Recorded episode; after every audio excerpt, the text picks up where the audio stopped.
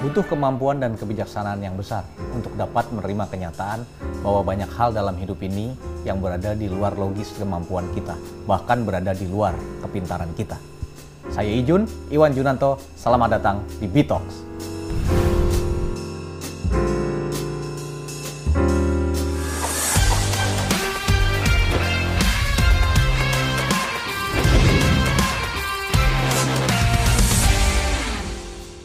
Kondisi ekonomi global kita sekarang ini sedang tidak menentu. Nasim Talib dalam bukunya Black Swan atau angsa hitam menulis bahwa saat ini semakin banyak angsa-angsa hitam muncul. Kita lihat sekarang angsa hitam ini mulai makin banyak muncul memasuki tahun 2020. Mulai dari tereskalasinya perang dagang, terbunuhnya Jenderal Iran oleh Amerika yang kemudian memicu risiko geopolitik di Timur Tengah, kemudian isu Brexit, dan yang terakhir ini wabah corona yang kemudian menyebabkan kegelisahan dan kegalauan di banyak tempat dan banyak negara. Isu-isu Black Swan ini kalau menurut Talib adalah sebuah kejadian atau event-event yang berada di luar perkiraan kita. Dan kadang kita tidak tahu bagaimana mengatasinya dan sampai kapan ini berakhir. Kita lihat bagaimana pasar keuangan di dunia mulai gemetar atau terjadi kemerahan warna di mana-mana. Nah ini tentu berdampak kepada ekonomi di banyak negara. Bagaimana dampaknya ke pasar keuangan domestik, kemudian bagaimana dampaknya terhadap ekonomi Indonesia. Di sini kita sudah kehadiran narasumber yang mumpuni untuk bicara tentang pasar keuangan, yaitu Bang Erwin Hutapea. Selamat datang, Bang Erwin. Terima kasih Bang Ijun sudah diundang di acara ini. Luar biasa. Bang Erwin Hutapea ini adalah direktur di Departemen Pengelolaan Moneter Bank Indonesia.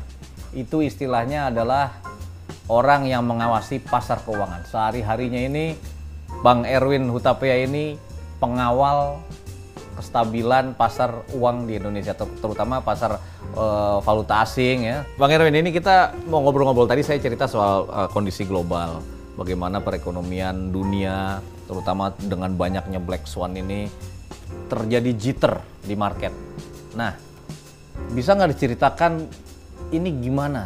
Kok makin banyak kejadian-kejadian gini dan bagaimana kondisi pasar keuangan global dunia yang terjadi saat ini? Misalkan dari Cina gimana, di Inggris gimana? Kita lihat di globalnya dulu ya sebelum kita nanti ke Indonesia. Gimana? Baik, makasih Bang Ijun. Seperti yang tadi uh, Bang Ijun ceritakan di hmm. awal uh, terkait dengan Black Swan. Hmm. Memang sebagaimana kehidupan, hmm. pasar keuangan baik itu global maupun domestik itu selalu diwarnai ketidakpastian. Ah, betul, betul. Jadi kalau ada satu quote, yeah. jadi yang pasti itu adalah ketidakpastian ah, itu sendiri. Juga sih. Ah. Sehingga kalau kita lihat sejak 2019 sebenarnya hmm. dan berlanjut ke 2020, uh, beberapa tadi sudah Bang Ijun sampaikan hmm. ketidakpastian yang mewarnai pasar keuangan global. Uh, mulai dari trade talk antara Amerika dan Cina yeah. yang berlarut-larut terkadang uh, ada optimisme di sana, uh. tapi kemudian ada kegalauan lagi. Yeah. Kemudian tiba-tiba kita dikejutkan dengan uh, serangan drone Amerika yeah. yang membunuh Jenderal Iran. Yeah. Sementara kita lihat di Asia uh, demonstrasi di Hong Kong tidak yeah. kunjung selesai. Betul. Dan terakhir di awal 2020, setelah beberapa perkembangan terkait dengan kesepakatan dagang, yeah. Brexit sudah mulai kelihatan ujungnya. Iya, iya. Tiba-tiba kita dikagetkan dengan Black Swan baru. Black Swan baru. Outbreak dari coronavirus, coronavirus. yang sangat mewarnai hmm. uh, perkembangan pasar keuangan hmm. secara global maupun domestik hmm. uh, sejak mulai awal tahun 2020 sampai dengan hari ini. Hmm. Itu kira-kira Bang Ijon. Iya. Itu gimana sih dampaknya itu terhadap terhadap pasar keuangan? Ini karena nih Bang Irwin kan sehari-hari ada di pasar keuangan ya tentu beda pasar ikan, pasar beras, pasar uang ini beda. Betul. Kan dampaknya biasanya setelah terjadi suatu kejadian itu menyebarnya tuh melalui jalur perdagangan Betul. yang kemudian ke ekspor impor. Betul. Dan satu lagi jalur keuangan. Jalur keuangan kan cepat sekali. Betul. Tiba-tiba uang pindah ke sana, pindah menyebabkan satu negara anjlok atau satu negara kemudian uh, nilai tukarnya melemah. Ini gimana di kalau di Eropa sendiri atau di Cina, Amerika tuh terasa nggak sih? Tadi betul sekali apa yang Bang Ijun sampaikan bahwa impact dari kejadian di suatu tempat nah. itu bisa menular ke tempat lain itu nah. lewat dua jalur. Yeah. Pertama jalur perdagangan yeah. karena kita berinteraksi dengan negara lain Iya. lewat kegiatan ekspor dan impor. Ya. Hanya saja memang ini kegiatan atau impact lewat jalur perdagangan ini relatif lebih lambat sebenarnya. Nah, yang lebih cepat sekarang itu adalah uh, penularan gitu ya yang terjadi lewat jalur pasar keuangan. Hmm. Karena dalam uh, dunia yang semakin tidak ada batas, Hmm. yang namanya uh, investasi Ya. itu sumbernya bisa dari mana-mana Hmm. dan ditempatkan di mana-mana. Oke. Sehingga ketika terjadi sebuah event, Iya. apalagi event yang uh, tadinya tidak diperkirakan akan muncul, Ya. uh, respon pertama dari pelaku pasar itu adalah kekhawatiran, Kekhawatiran. kekhawatiran. Jadi Nah, kemudian dia menarik. Nah, begitu ada uangnya. muncul kekhawatiran, mereka biasanya melakukan yang mereka sebut portfolio adjustment atau penyesuaian penyesuaian. uh, investasi-investasi mereka. Iya. Mereka akan tarik investasi mereka di negara-negara atau di pasar-pasar yang mereka anggap risikonya akan bertambah besar Ya. Atau paling tidak implikasi dari sebuah kejadian di negara tersebut akan cukup besar pengaruhnya. Kemudian mereka pindahkan ke pasar-pasar atau negara-negara yang menurut penilaian mereka itu relatif aman. Ah. Mungkin kita sering dengar istilahnya ada safe haven. Ah, safe haven itu apa tuh? Safe haven itu umumnya adalah kalau kita sekarang bisa kita kategorikan yang disebut safe haven itu sekarang dari sisi negara Amerika dan Eropa, Jepang, Ya. negara-negara yang memang sudah established itu disebut uh, sebagai safe haven. Tapi kalau terkait dengan jenis aset, emas juga masuk kategori safe Safe haven. Jadi biasanya dalam ketidakpastian, kemudian dari negara-negara itu biasanya portfolio keluar masuk ke dolar. Betul, Nah, jadi dolar walaupun kondisi itu tetap merupakan safe haven ya. betul. Artinya kemudian dolar menjadi menguat menyebabkan eh, ini menurun ya kekuatan-kekuatan eh, ekonomi apa mata uang negara lain turun. Nah, sekarang kita akan masuk ke d- Indonesia nih. Kita lihat kondisi eh, portfolio adjustment terjadi di mana-mana, tapi yang kita lihat justru kok rupiah ini malah stabil ya, bahkan menguat. Tahun 2019 kemarin menguat 3,58 persen pit point to point. Nah, ini agak black swan juga sebenarnya. Black swan juga. Eh, karena orang-orang melihat wah ini kondisi begini pasti rupiah anjlok gitu seperti apa. Tapi ternyata rupiah ini bisa stabil ya terlepas dari setiap hari Pak Erwin berada di pasar. Baik. Apa kira-kira yang menyebabkan kok bisa seperti ini? Ya. Jadi kalau kita lihat sejak lima tahun belakangan, Mhm. sejak krisis keuangan global, ada sebuah fenomena yang mulai bergeser. Hmm. Dari tadinya pertumbuhan ekonomi dunia Hmm. itu banyak didrive oleh negara-negara maju. Ya. Sekarang dia mulai bergeser. Ya. Jadi pusat-pusat pertumbuhan ekonomi itu mulai bergeser ke emerging. Yang tadinya bandul pertumbuhan perekonomian dunia itu mungkin ada di Amerika dan Eropa, Ya. tapi sejak krisis dan juga dipengaruhi oleh uh, kondisi perekonomian yang mungkin sudah sudah mature Iya. gitu ya. Sekarang pusat pertumbuhan pindah ke emerging dan Cina. Cina. Salah satu emerging itu ada termasuk Indonesia. Ya, oke. Jadi kalau kita coba bandingkan pertumbuhan ekonomi yang ada uh, itu negara-negara yang sudah uh, mature tadi Ya.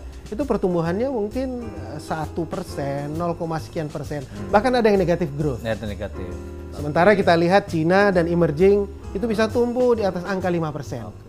Nah, terkait dengan itu yang namanya investasi, sebagaimana umumnya hukum pasar, Ya.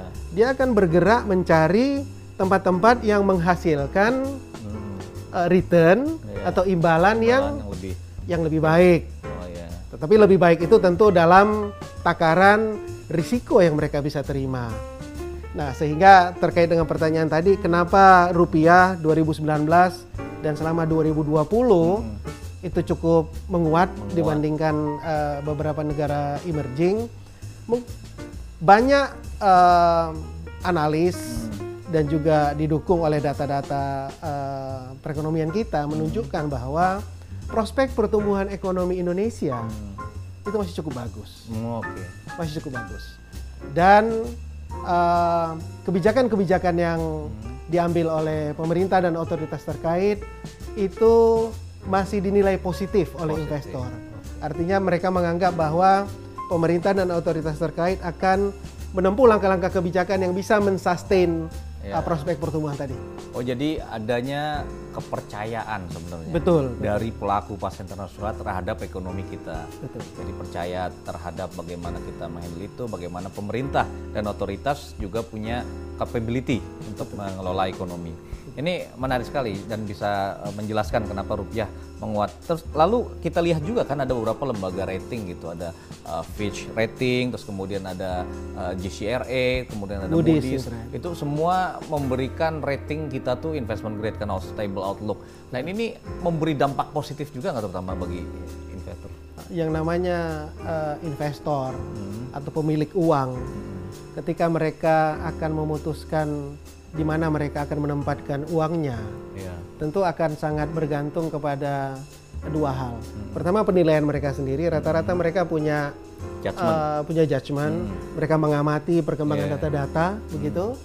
Tetapi tentu mereka juga akan melihat asesmen yang diberikan oleh lembaga-lembaga rating oh, okay. yang memang secara rutin melakukan penilaian secara komprehensif terhadap negara-negara. Yeah, yeah. Nah, jadi uh, hasil rating atau penilaian yang uh, disampaikan oleh beberapa lembaga rating seperti Fitch, kemudian Moody's terakhir itu mengkonfirmasi keyakinan mereka, mereka bahwa Indonesia dalam hal ini masih merupakan pilihan okay. yang bisa dipertimbangkan oleh mereka untuk menempatkan uh, investasi mereka. Nah ini bisa menjawab sebenarnya kekhawatiran, kegalauan, keraguan banyak pihak bahwa ekonomi Indonesia ini mengkhawatirkan. Nah, tapi dengan adanya penjelasan Bang Erwin tadi, kita semakin yakin bahwa kalau investor asing aja yakin terhadap keuangan kita, kenapa kita sebagai Betul. bangsa Indonesia justru malah ragu gitu kan? Harusnya begitu. Harusnya kita juga ikut yakin dan ikut mendukung iya. perekonomian Indonesia ini dan tentu pasar keuangan Indonesia. Nah sekarang dari pihak Bang Erwin sendiri nih sebagai pengawal pasar setiap hari selalu berada di pasar tentu pasar keuangan. Nah, apa yang dilakukan di pasar keuangan eh, di Indonesia ini? Nah, jadi peran Bank Indonesia itu analoginya kita ini seperti traffic controller sebenarnya, Bang Ijun. Oh, Karena ada sirkuit yang kita bisa analogikan dengan pasar, di mana para pengemudi akan uh, berlalu lintas di sana. Yeah Peran kita adalah mengatur agar lalu lintasnya itu dilakukan secara terukur. Jangan kebut-kebutan. Jangan, ugal-ugalan. Kalau ada yang kebut, kita kontrol. Ah, kita kontrol. Eh, tolong kecepatan dikurangi. Ada yang beli nah, banyak. Ada yang terlalu lambat, mungkin eh, agak lebih cepat. Karena kalau nggak menimbulkan kemacetan. Iya, iya, iya. Nah, jadi peran kita itu adalah pertama itu memberikan keyakinan mm -hmm. kepada pelaku pasar bahwa Bank Indonesia komit, komit dan ada di pasar untuk menjaga stabilitas. Jadi Bank Indonesia ada di sana. Ada di sana. Jadi yang ya. pertama tentu kita selalu berusaha mendorong bekerjanya mekanisme pasar hmm. dengan baik. Jadi ada jual, ada beli. Ada jual dan beli hmm. uh, pada jumlah yang sesuai dengan kebutuhan, pada kisaran harga yang memang uh, wajar. Ya, ya. Nah kalau pasar memang uh, belum bisa uh, memenuhi kebutuhan mereka, nah pada saat itu BI masuk. BI masuk. Nah, jadi sebagai Betul. Ketika misalnya kebutuhan dolarnya tidak bisa dipenuhi oleh pasar, pada saat itu kita melakukan intervensi. Ya. Dan kalau rupiahnya kebanyakan, uh, yang nanti bisa berdampak uh, terlalu banyak rupiah, uh, ya. kita melakukan penyerapan. Kalau rupiahnya kurang, kita tambah. tambah. Jadi itu kira-kira bang Ijo. Seperti itu tadi sobat rupiah. Ini sebagai penutup, bagaimana kita anak-anak muda, sobat rupiah menyikapi perkembangan yang atra, yang terjadi saat ini. Eh, kita tetap investasi kita bagaimana kemudian bagaimana antisipasi kita melihat gejolak yang kelihatannya ujungnya belum kelihatan kayak apa. Apakah kita menahan investasi kita? Sobat rupiah bisa menggunakan pasar keuangan ini sebagai satu sarana investasi dan juga untuk turut berperan serta oh, dalam membiayai pembangunan Kan dan membiayai pembangunan retail ya betul. SBN itu sudah dijual. Pemerintah retail, sudah ya. punya obligasi retail obligasi dan retail. juga sukuk retail. Sukuk juga retail. Betul. Jadi kita bisa beli betul. ikut serta. Ikut serta. Bagus bagus. Uh, mendanai pembangunan. Mendanai pembangunan. Uh, untuk masa depan Indonesia yang lebih betul. baik dan tentunya uh, seluruh otoritas terkait termasuk Bank Indonesia hmm. akan selalu berada di pasar yeah. untuk menjaga stabilitas, yeah. termasuk nilai-nilai investasi dari para sobat rupiah. Betul. Baik, Bang Erwin Hutapea, terima kasih atas pencerahannya di tengah berbagai black swans tadi dan kejadian-kejadian yang di luar perkiraan. ekonomi Indonesia membuktikan ketahanannya karena kemarin masih bisa tumbuh di atas 5% dan pasar keuangan kita juga bisa bertahan dengan baik. Kita lihat tadi penjelasan dari Bang Erwin bagaimana investor-investor asing masih percaya atau masih punya confidence terhadap ekonomi Indonesia dan pasar keuangan Indonesia. Lembaga-lembaga rating, tadi kita lihat Moody's, Fitch, JCR juga menempatkan kita pada uh, posisi stabil dan investment grade. Artinya uh, bisa menjadi sebuah pertimbangan bagi para investor untuk tetap percaya pada ekonomi Indonesia. Lalu kita, bagaimana kita sebagai uh, masyarakat Indonesia, netizen, milenial, sobat rupiah juga layaknya harus ikut optimis terhadap ekonomi Indonesia. Mari kita sama-sama ikut bangun ekonomi Indonesia. Yuk kita dorong ekonomi Indonesia bersama-sama. Saya Ijun Iwan Junanto. Sampai jumpa di episode selanjutnya. Ini ada kopi asli Indonesia. Nah, selain itu kita juga tetap jaga optimisme kopi Indonesia. Kita ngopi dulu, Bang Erwin ya. Siap, siap, siap. Ini kopi asli Minahasa. Minahasa. Luar biasa. Kita tos kopi dulu. Cheers.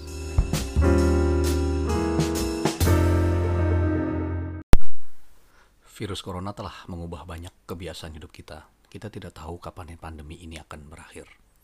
Tapi satu hal yang pasti, ketika semua ini nanti berlalu, kita akan melihat dunia baru yang berbeda. Nah, seperti apa dunia baru sesudah corona itu? Kita ketemu lagi di episode 11 Ngomik, Ngocehin Ekonomi bersama Ijun. Virus corona telah mengubah banyak kebiasaan hidup kita. Kita tidak tahu kapan pandemi ini akan berakhir. Tapi satu hal yang pasti, ketika semua ini nanti berlalu, kita akan melihat dunia baru yang berbeda. Nah, seperti apa dunia baru sesudah corona itu? Kita ketemu lagi di episode 11 Ngomik, Ngocehin Ekonomi bersama Ijun.